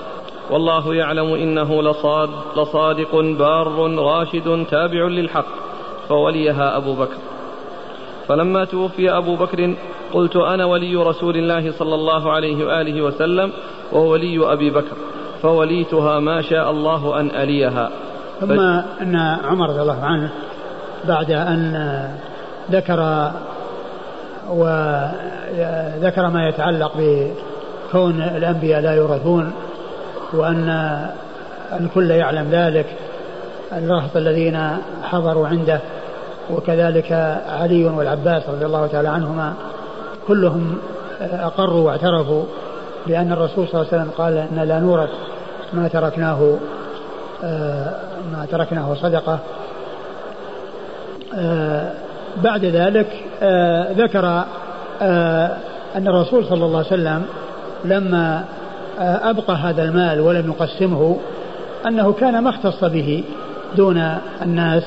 وإنما كان يأخذ منه نفقته ونفقة اهل سنة والباقي أسوة المال يعني أنه يصرفه في مصالح المسلمين ويقسمه في مصارف بيت المال صلوات الله وسلامه وبركاته عليه ثم سأل الرهط الأربعة هل يعلمون ذلك فأقروا بذلك وسأل عليا والعباس رضي الله عنهما هل يعلمان ذلك فأقر بذلك ثم قال عمر رضي الله عنه انه لما توفي رسول الله صلى الله عليه وسلم ان الرسول صلى الله عليه وسلم في حياته قام به هذا القيام وبهذا على هذا الوجه وهو الانفاق على اهله والباقي اسوه المال وان ابا بكر رضي الله عنه لما قام مقامه قال انا ولي الامر من بعد رسول الله صلى الله عليه وسلم فأتصرف في هذا المال الذي خلفه رسول الله صلى الله عليه وسلم كما كان يتصرف فيه وأن آه، علي رضي الله عنه جاء يطلب ميراث ابنته فاطمة ابنة النبي صلى الله عليه وسلم فاطمة زوجته وعلي يطلب ميراثه من رسول الله صلى الله عليه وسلم وأن أبا بكر أخبر تلا عليهم الحديث الذي جاء عن رسول الله صلى الله عليه وسلم في ذلك وأن النبي عليه الصلاة والسلام قال إنا لا نورث ما تركناه صدقة ثم عمر رضي الله عنه قام لما توفي أبو بكر قام بالأمر من بعده وقام بصرف المال الذي كان يصرفه أبو بكر آه، آه، وفقا لما كان يفعله رسول الله صلى الله عليه وسلم كان عمر رضي الله عنه يصرفه مدة من خلافته على هذا النحو ثم إن عليا والعباس رضي الله تعالى عنهما جاء إليه وهما متفقان وأمرهما جميع وطلبوا منه أن آه، يدفع يعني هذه الأموال لهما ليقوما بصرفها وفقا لما كان رسول الله صلى الله عليه وسلم يصرفها فأخذ عليهم العهد بأن يقوما بذلك على ما كان عليه رسول الله صلى الله عليه وسلم ثم إنه دفعه إليهما فصاروا يقومون بذلك ثم إنه حصل هذا الذي جاء في هذا الحديث بحضور هؤلاء الرهط أنهم جاءوا إليه يختصمون وكان المقصود من هذا الاختصام أن يقسم بينهما النظارة على هذه الأموال وأن يكون كل واحد منهم منهما على قسم من هذه الأموال وعمر رضي الله عنه وأرضاه أراد أن تبقى على ما هي عليه وأنهما لما طلب أن يتولى ذلك ولاهما وصارت النظارة لهما مجتمعين ولم ولم يوافق على قسمة آه، هذه الأموال بينهما بحيث يتولى هذا شيء وهذا شيء وإنما تبقى كما كانت على عهد رسول الله صلى الله عليه وسلم ويتولاها واحد أو أكثر من واحد ولكن على طريقة واحدة وعلى منهج واحد بحيث يكون التوزيع للجميع آه، من آه، واحد الذي هو الخليفة أو من هذين الاثنين اللذين طلب أن يقوم بهذا الأمر وجعلت النظارة على هذا المال لهما مجتمعين ولم يوافق عمر رضي الله عنه على أن يقسم هذا المال بينهما لأنه لو قسم بينهما لظن على مر السنين ومر الدهور أن يكون ميراثا وأن هذا الذي بيده ميراثه وهذا الذي وهذا الذي بيده ميراث زوجته ولكنه لما بقي على اساس انه مال واحد وانه يتصرف فيه تصرف واحد يعني ذلك الاحتمال الذي يخشى من لو قسم بينهما فانه لا يكون له وجود ولا يكون له محل بل آآ آه، آآ آه، تبقى النظاره في آه، بين اثنين آه، دون أن آه، يقسم المال بينهما قسمين بحيث يتولى هذا نصفه وهذا نصفه ومعلوم أن النبي صلى الله عليه وسلم لو كان يورث لورثه زوجاته أمهات المؤمنين ولهن الثمن وسيأتي حديث في هذا يعني يدل على أنهن هممنا وأردنا أن يرسلن عثمان بن عفان إلى أبي بكر ليعطيهما الثمن من يعني من هذه الأموال ولا وسيأتي الكلام في ذلك وعلي جاء يطلب ميراث زوجته فاطمة رضي الله تعالى عن الجميع والعباس يطلب ميراثه من النبي صلى الله عليه وسلم ومعلوم أن النبي صلى الله عليه وسلم لو كان يورث فإن الزوجات يكون لهن الثمن وللبنت النصف والباقي للعم كقوله صلى الله عليه وسلم ألحقوا الفرائض بأهلها فما أبقت الفرائض فلأولى رجل ذكر والعباس هو هو أقرب قريب إلى رسول الله صلى الله عليه وسلم عند وفاته لأنه عمه وقد قال النبي صلى الله عليه وسلم إن عم الرجل صن أبيه أي مثل أبيه آه، آه، ايش قال بعده؟ فجئت أنت وهذا وأنتما جميع وأمركما واحد فسألتمانيها فقلت إن شئتما أن أدفعها إليكما على أن عليكما عهد الله أن تلياها بالذي كان رسول الله صلى الله عليه وسلم يليها فأخذتماها مني على ذلك ثم جئتماني لأقضي بينكما بغير ذلك والله لا أقضي بينكما بغير ذلك حتى تقوم الساعة فإن عجزتم المقصود المقصود يعني آه، آه، بغير ذلك الذي هو قسمتها بينهم على أن يتولى هذا النظارة على نص وهذا على نص هذا هو المقصود الذي يختصمون فيه لا أنهم يعني يريدون الميراث لأن الميراث انتهى وقد عرفوا بأن الثقل لا نورث وقد سبق منهما أن أقر بذلك وأن, وأن عرف ذلك وبين أنهما يعلمان ذلك وإنما الشيء الجديد الذي جاء من أجله هو قسمة آه، النظارة بينهما بحيث يكون هذا له الإشراف على النصف وهذا له الإشراف على النصف وقد أوضح هذا أبو داود رحمه الله يعني بعد الحديث وأن المقصود من مجيئهما إنما هو قسمة النظارة يعني بينهما لا أن المقصود من ذلك آه، طلب الميراث لأن مسألة الميراث قد فرغ منها من قبل وقد عرف وقد يعني أقر وعلم بأن النبي صلى الله عليه وسلم قال إنا لا نورث ما ترك منه صدقة نعم والله لا أقضي بينكما بغير ذلك حتى تقوم الساعة فإن عجزتما عنه عنها فرداها إلي قوله والله لا أقضي بينكما يعني بغير ذلك يعني بغير الذي كنت دفعتها إليكما بأن تقوما بصرفها طبقا لما كان رسول الله صلى الله عليه وسلم يصرفها وأنها باقية على حالها دون قسمة حتى تقوم الساعة المقصود به يعني ساعته يعني حتى يموت يعني حتى يموت يعني معناه أنني لا أقضي بينكما حتى تقوم الساعة يعني مدة حياتي لأن كل مات قامت قيامته وقامت ساعته وليس المقصود من ذلك قيام الساعة لنهاية الدنيا لأن قول لا أقضي بينكما حتى تقوم الساعة يعني ما دمت حيا لا أقضي بينكما ما دمت حيا وهذا هو المقصود بالساعة فيما يتعلق بهذا الحديث لأن الساعة أحيانا يراد بها قيام الساعة التي تكون في نهاية الزمان والتي يموت بها من كان حيا في نهاية الدنيا وعند ذلك يتساوى الذين ماتوا من قديم الزمان والذين ماتوا في آخر الزمان ولكن المقصود هنا يعني قيام الساعة الذي هو موته لا أقضي بينكما حتى تقوم الساعة يعني حتى حتى أموت يعني مدة حياتي لا أقضي بينكما بخلاف ذلك الذي كنت جعلته إليكما مع بقاء المال وصرفه طبقا لما كان يصرف فيه في زمن رسول الله صلى الله عليه وسلم نعم قال حدثنا الحسن بن علي لا مش بعده قال أبو داود إنما سألاه أن يكون, أن يكون يصيره بينهما نصفين لا أنهما جهلا أن النبي صلى الله عليه وآله وسلم قال لا نورك ما تركنا صدقة فإنهما كانا لا يطلبان إلا الصواب فقال عمر لا أوقع عليه اسم القسم أدعه على ما هو عليه نعم قال حدثنا الحسن بن علي الحسن بن علي الحلواني ثقة أخرجه أصحاب كتب الستة إلا النسائي ومحمد بن يحيى بن فارس محمد بن يحيى بن عبد الله بن خالد بن فارس الذهلي ثقة أخرجه البخاري وأصحاب السنن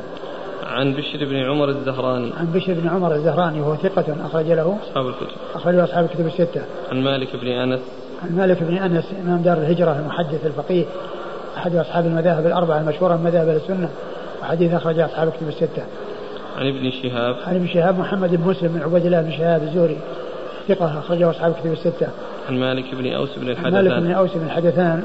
وهو له رؤية وحديثه أخرجه أصحاب الكتب الستة عن عمر عن عمر بن الخطاب رضي الله تعالى عنه عنه امير المؤمنين وثاني الخلفاء الراشدين الهادي المهديين صاحب المناقب الجمه والفضائل الكثيره رضي الله تعالى عنه وارضاه وحديثه عند اصحاب كتب السته. وعن ابي بكر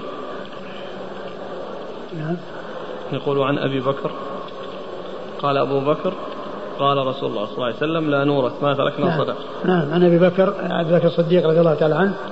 آه، آه، خليفه رسول الله صلى الله عليه وسلم عبد الله بن عثمان بن أبي قحافة التيمي آه، خير هذه الأمة بعد رسول الله صلى الله عليه وسلم أفضل الأمم وخير الأمم أمة محمد عليه الصلاة والسلام وخير هذه الأمة أصحاب رسول الله صلى الله عليه وسلم وخير وخير أصحاب رسول الله صلى الله عليه وسلم أبو بكر ثم عمر ثم عثمان ثم علي رضي الله عنهم وعن الصحابة أجمعين وحديث أبي بكر عند أصحاب كتب الستة قال في أوله يقول مالك بن أوس بن حدثان أرسل إلي عمر حين تعالى النهار فجئته فوجدته جالسا على سرير مفضيا إلى رماله رماله أو رماله يعني يقول يعني على سرير يعني ليس عليه فراش وإنما يعني جسده مفضيا إلى رماله وهي الخيوط والحبال التي تكون يعني بين الخشب والتي يعني يجلس عليها الذي يجلس على السرير المقصود برماله أو رماله الخيوط أو الحبال التي آه، تنسج والتي تكون بين الخشب آه، بحيث يجلس عليه يعني مفضيا إليه عن يعني جسده إلى مفضيا إلى هذا ليس عليه وطاء ليس عليه فراش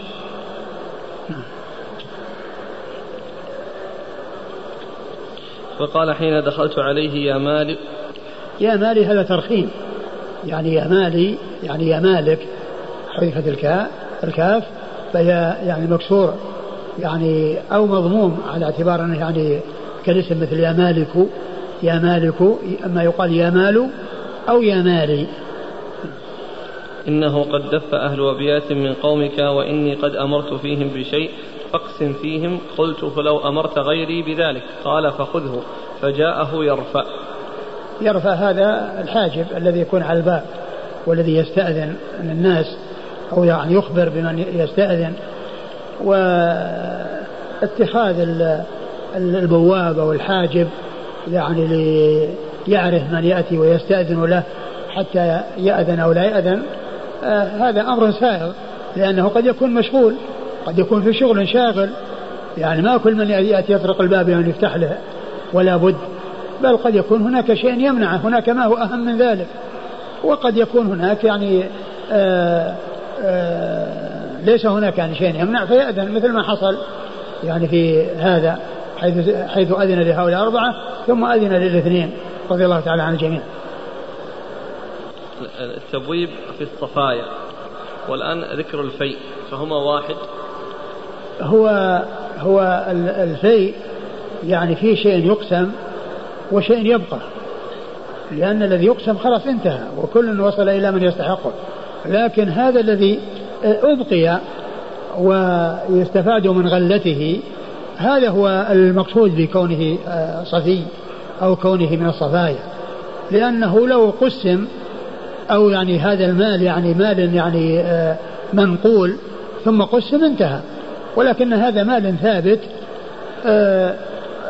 بدلا من تقسيمه وذهابه وتوزيعه على الناس كون أصله يبقى وغلته في كل سنة يستفاد منها ويدخر آه، يأخذ منها رسول الله صلى الله عليه وسلم نفقته ونفقة أهله والباقي يصرفه في ما يصرف فيه أموال بيت المال هذا آه، هذا هو المقصود يعني من آه، آه، كونه يعني آه، صفي يعني وأنه أبقي أما لو أنه وزع لذهب ولم يبقى شيء يعني يصطفى ولكنه أبقي ليستفاد من غلته هنا الكلام على ما بقي من أموال بني النظير أو جميع ما كان للنبي صلى الله عليه وسلم لا هنا الحديث يتعلق في أموال بني النظير في الحديث هذا التي يعني قال الله عز وجل فيها وما وفاء الله على رسوله منهم أي من اليهود فما اوجبتم عليه من خير ولا ركاب ولكن الله يسلط رسوله من يشاء يعني ما ما يعني يطلب قسمته كما تقسم الغنائم لأن الغنائم تقسم والغانمون لهم أربعة الأخماس والخمس آه، في آه، في الأصناف التي ذكرها الله في سورة الأنفال واعلموا أن ما غنمتم من شيء فأن الله خمسه يعني الأربعة الاخماس تقسم على الغانمين أما هذه فهذه ترجع إلى الإمام له أن يقسمها وله أن يبقيها وله أن يتصرف فيها في آه، آه، الذي يراه في مصالح الناس له نصيب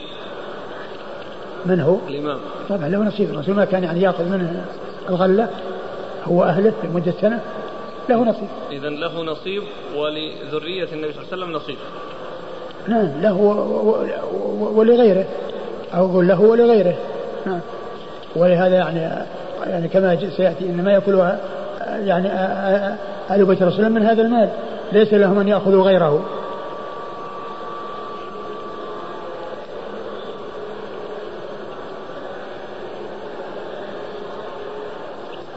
قال حدثنا محمد بن عبيد قال حدثنا محمد بن ثور عن معمر عن الزهري عن مالك بن اوس بهذه القصه